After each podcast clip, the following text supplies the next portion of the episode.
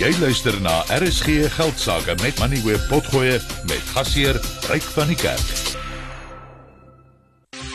RSG Geldsaake met Money Web, jou betroubare bron vir sake en beleggingsinsigte. Die Staal- en Ingenieurswese Bedryfsfederasie van Suid-Afrika of SIFSA het vandag navorsing gepubliseer wat daarop dui dat die vooruitsigte vir die metaal- en ingenieurswese bedrywe maar taamlik bedroef is. SIFSA verwag dat die bedryf vanjaar met tussen 1.5 en 2,2% gaan krimp. En uh dit spruit uit probleme soos die wêreldekonomie en ook die Suid-Afrikaanse ekonomie wat al hoe stadiger groei en dalk in resessie kan ingaan hoër insetkoste en dan ook plaaslike uitdagings soos beerdkrag.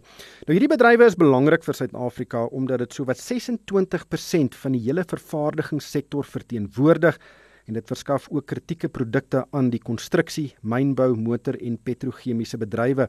Sowat 40% van die totale produksie word ook uitgevoer grootliks na ander Afrika lande. Tefatswa Chibanguza as op die lyn, hy is SIFSA se bedryfshoof. Um thank you so much for joining me. Uh, all of South Africa's economic sectors are currently under pressure due to the same challenges uh, you have cited in this report. But do you think this sector is particularly hit hard? Good evening, Ryk. Uh, thanks for having us. Pleasure to be on your show.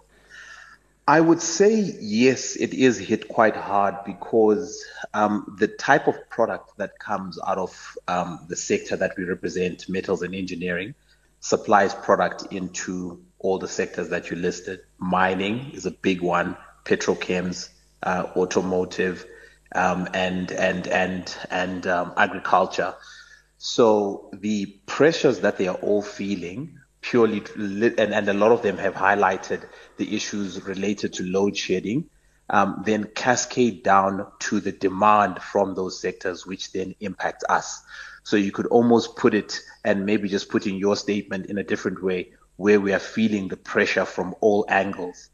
I would then also just add the last point that um, about 40% of our of our total sales are exported and in a less uh, supportive global economic environment, there's pressure from that side as well in terms of demand from uh, a slower global economic growth.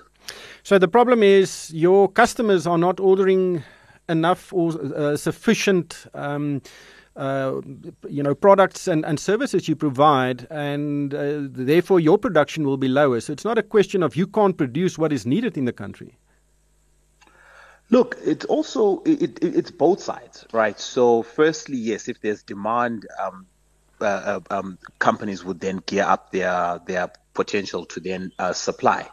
But bear in mind, operating in South Africa as this industry does, being very energy intensive, so the value chain that we do um, supply, that we do support, uh, is is is everything from the steel intensive or the energy intensive upstream right right downstream as well.